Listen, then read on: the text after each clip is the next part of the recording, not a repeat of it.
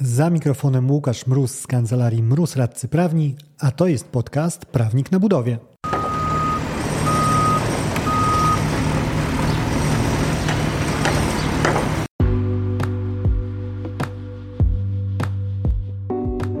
Z tej strony mikrofonu Łukasz Mróz, aka Prawnik na budowie.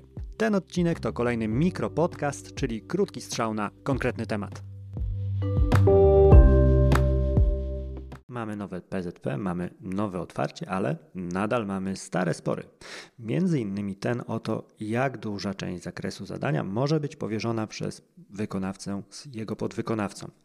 I taki spór rozstrzygnął niedawno nasz nowy, świeży sąd zamówieniowy. Tak, mamy w Warszawie teraz wyspecjalizowaną jednostkę, która ma rozstrzygać bolączki zamawiających i wykonawców. I dotyczył on sytuacji, kiedy wykonawca de facto 100% zadania przerzucił na podwykonawców, co skończyło się odrzuceniem jego oferty. No i po raz kolejny wrócił tutaj na rozkładówkę spór o to, gdzie kończy się powierzanie, delegowanie części zadania, gdzie też mm, kończy się już taki zero, takie zero zaangażowania e, wykonawcy.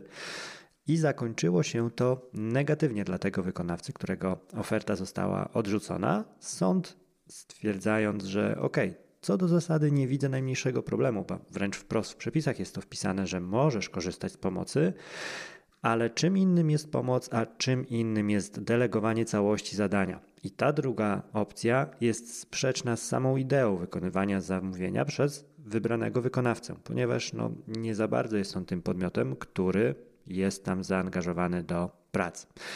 I tutaj oczywiście padał ten wieczny argument w takich sporach, czyli wykonawca wskazywał, że on jest tam odpowiedzialnym człowiekiem, którego doświadczenie pomaga właściwie pilotować ten projekt i doprowadzić go do happy endu.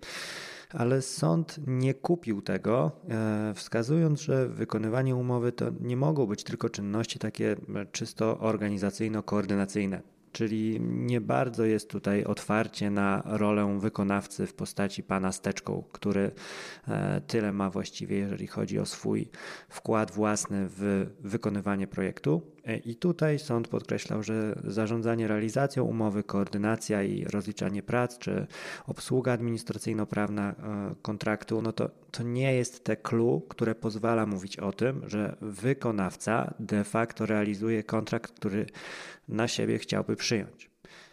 E, sąd ładnie wskazał, że no to są takie czynności obok zamówienia, a nie jest to samo świadczenie tego clue tej pracy, nie przekazujemy tego mięsa zamawiającemu jako wykonawca, tylko jesteśmy takim no, koordynatorem, który coś tam pogrzebie, tam pokaże, e, a tutaj dokoordynuje.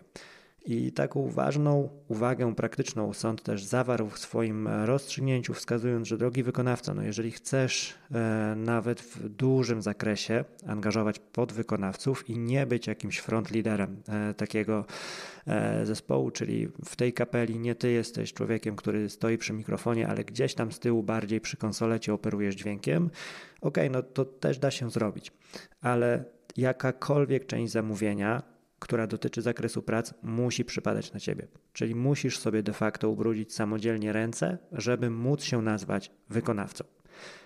Jak widać, no tak jak mówiłem, spor PZP nowe, spory stare nadal grane.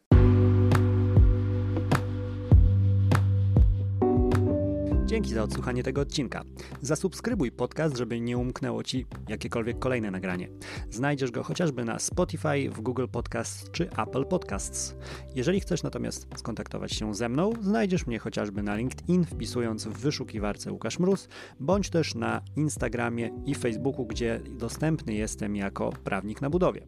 W wersji bardziej klasycznej mailowo na mrozmałpa kancelariamroz.pl. Do usłyszenia w kolejnym odcinku. Dzięki za odsłuchanie tego odcinka. Jeżeli chcesz się ze mną skontaktować, możesz napisać na biuro małpa kancelariamroz.pl albo zadzwonić na 577 665 077. Znajdziesz mnie też w mediach społecznościowych. Na LinkedIn jako Łukasz Mróz, a na TikToku, Facebooku i Instagramie jako Prawnik na Budowie.